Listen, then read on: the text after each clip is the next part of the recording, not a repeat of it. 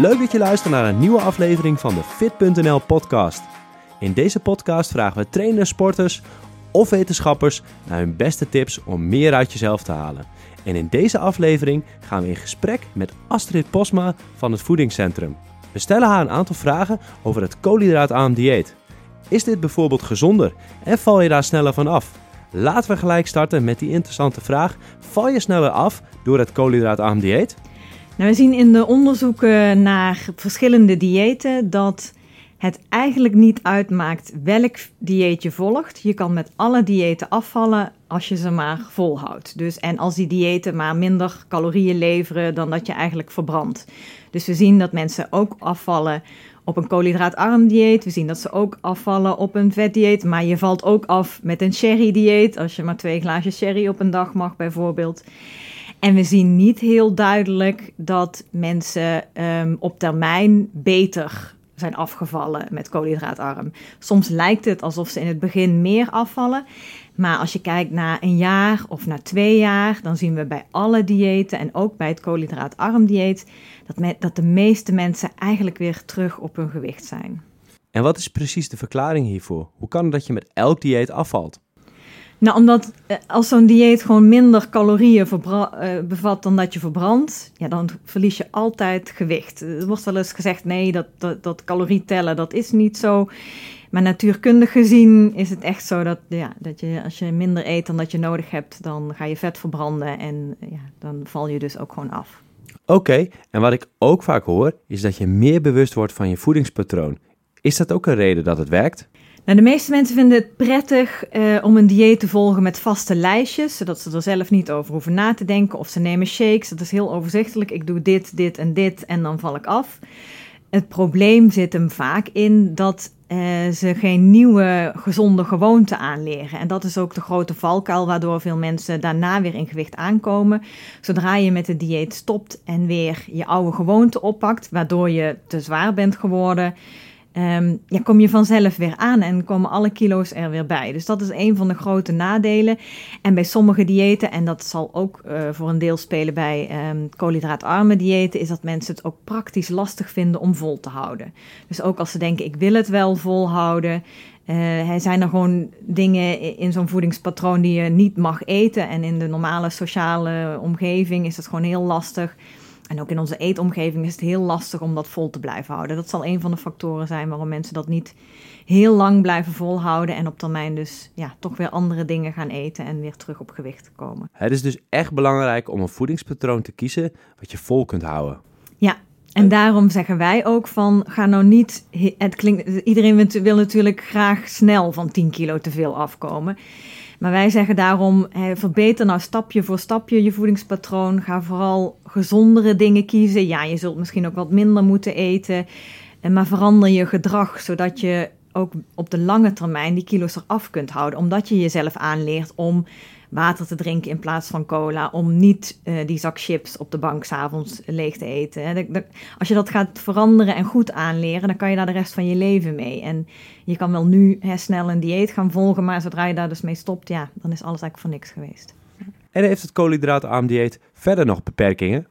Oh, ja, op de lange termijn hè, het gewichtsverlies niet behoudt. Um, nou ja, in, in de meeste gevallen is de samenstelling zo dat er uh, op zich wel relatief veel eiwit in zit. Wat goed is, want eiwitten verzadigen wel wat meer. Dus je zit voller van eiwitten dan van koolhydraten en vetten. Dat is een voordeel. Een nadeel is dat uh, je vaak in zo'n dieet uh, geen volkorenproducten of heel weinig volkorenproducten mag eten. Dus je mist eigenlijk de gezondheidsvoordelen van die volkoren graanvezels. En je mag vaak ook geen peulvruchten. En van peulvruchten zien we ook dat mensen die er meer van eten, uh, eigenlijk vaker een lager cholesterolgehalte hebben. Dus ja, het lijkt erop alsof je ja, wat, wat voordelen mist, minder vezels binnenkrijgt. Um, en je zult qua samenstelling ook goed op moeten letten of je nou ja, wel van, van alles voldoende binnenkrijgt. En zeker als het heel extreem wordt.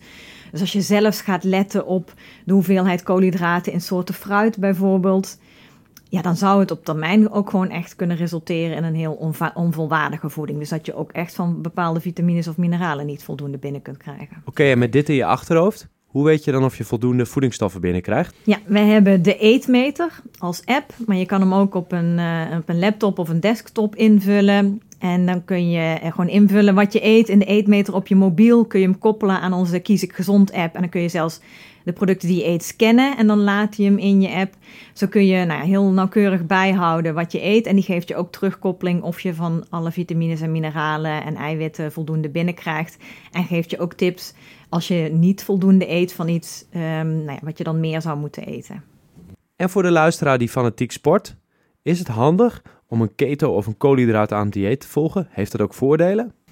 Nou, wetenschappelijk gezien uh, denk ik niet dat je kunt zeggen dat dat voordelen heeft. Uh, ik snap het achterliggende idee dat als je geen koolhydraten tot je neemt, je vetverbranding, ja, die zal sneller op gang komen. Het is maar de vraag of dat voor je lichaam wel zo efficiënt is. En um, of dat ook je prestaties verbetert. Ik ben niet overtuigd door de onderzoeken. En ik denk ook als je denkt aan hoe ons lichaam werkt. We zijn eigenlijk een soort van allesverbrander. En zou ik denken dat een, een combinatie van brandstoffen, om het maar zo te noemen, te zorgen dat er genoeg koolhydraten zijn, genoeg eiwitten zijn. En dat vet maak je uiteindelijk zelf aan. Dat heb je niet eens, is zo heel hard nodig dat dat het belangrijkste is om uh, je lichaam goed te laten functioneren. En nou ja, als je nou wil afvallen en je wil ja, wat hele specifieke doelen, heb je er misschien een beetje voordeel bij. Maar voor de gemiddelde sporter, zelfs als je aan je vetpercentage wil werken, zal dat echt niet zoveel uitmaken. Ik hoor steeds vaker dat het koolhydraatarm dieet mogelijk kan ondersteunen bij diabetes type 2. In hoeverre klopt dit? Heeft het koolhydraatarme dieet hier een functie voor?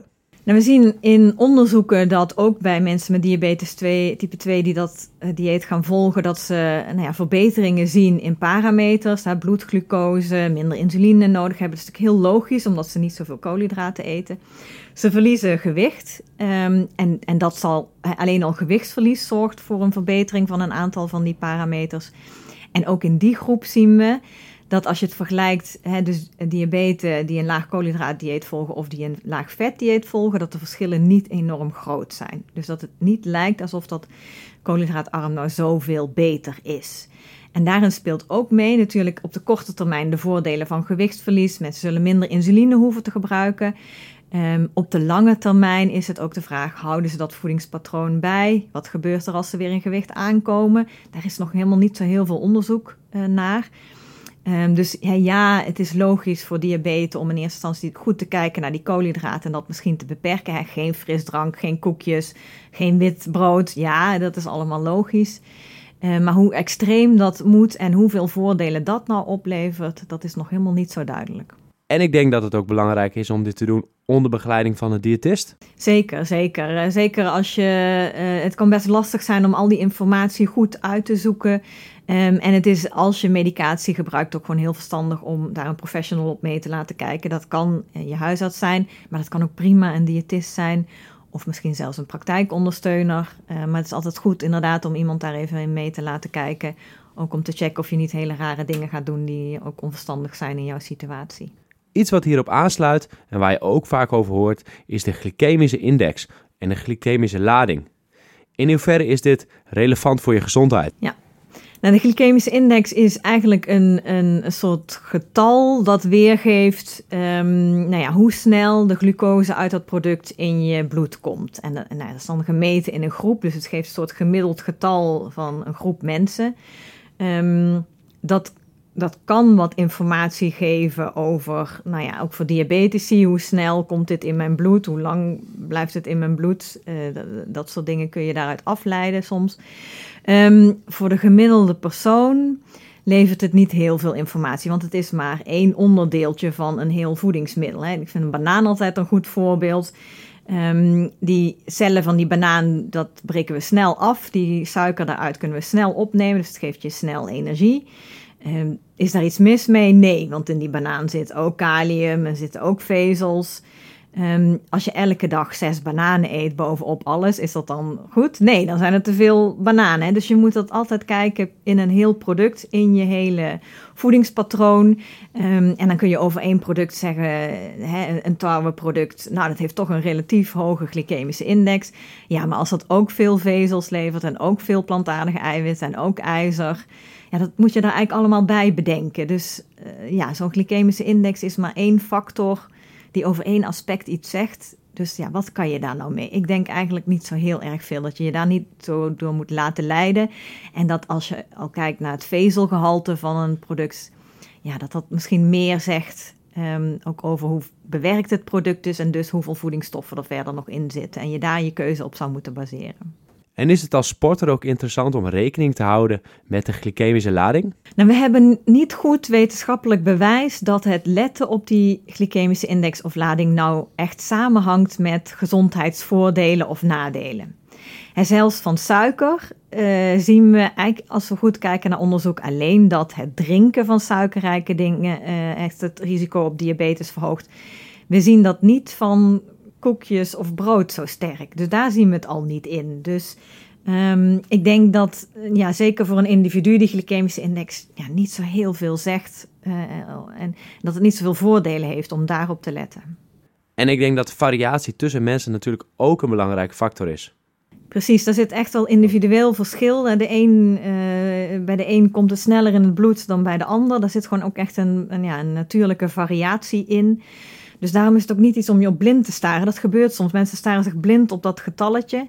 Eh, terwijl we weten, ja, het is iets gemeten um, in, in, ja, in maar een kleine groep mensen. Um, soms ook onder verschillende omstandigheden. Dus het zegt niet zoveel als dat het soms lijkt in eerste instantie. Ja. Oké, duidelijk. Ik denk dat we veel meer weten over koolhydraten. Dankjewel voor deze duidelijke uitleg. Graag gedaan. Dit was de aflevering met Astrid Posma van het Voedingscentrum. Wil je meer informatie? Ga dan naar fit.nl slash interview. Dan vind je deze aflevering terug en alle andere interviews. En verder zijn we heel benieuwd wat je van deze podcast vindt. Laat een review achter op iTunes en deel deze podcast via social media en tag fit.nl hierbij. Bedankt voor het luisteren en tot bij de volgende aflevering.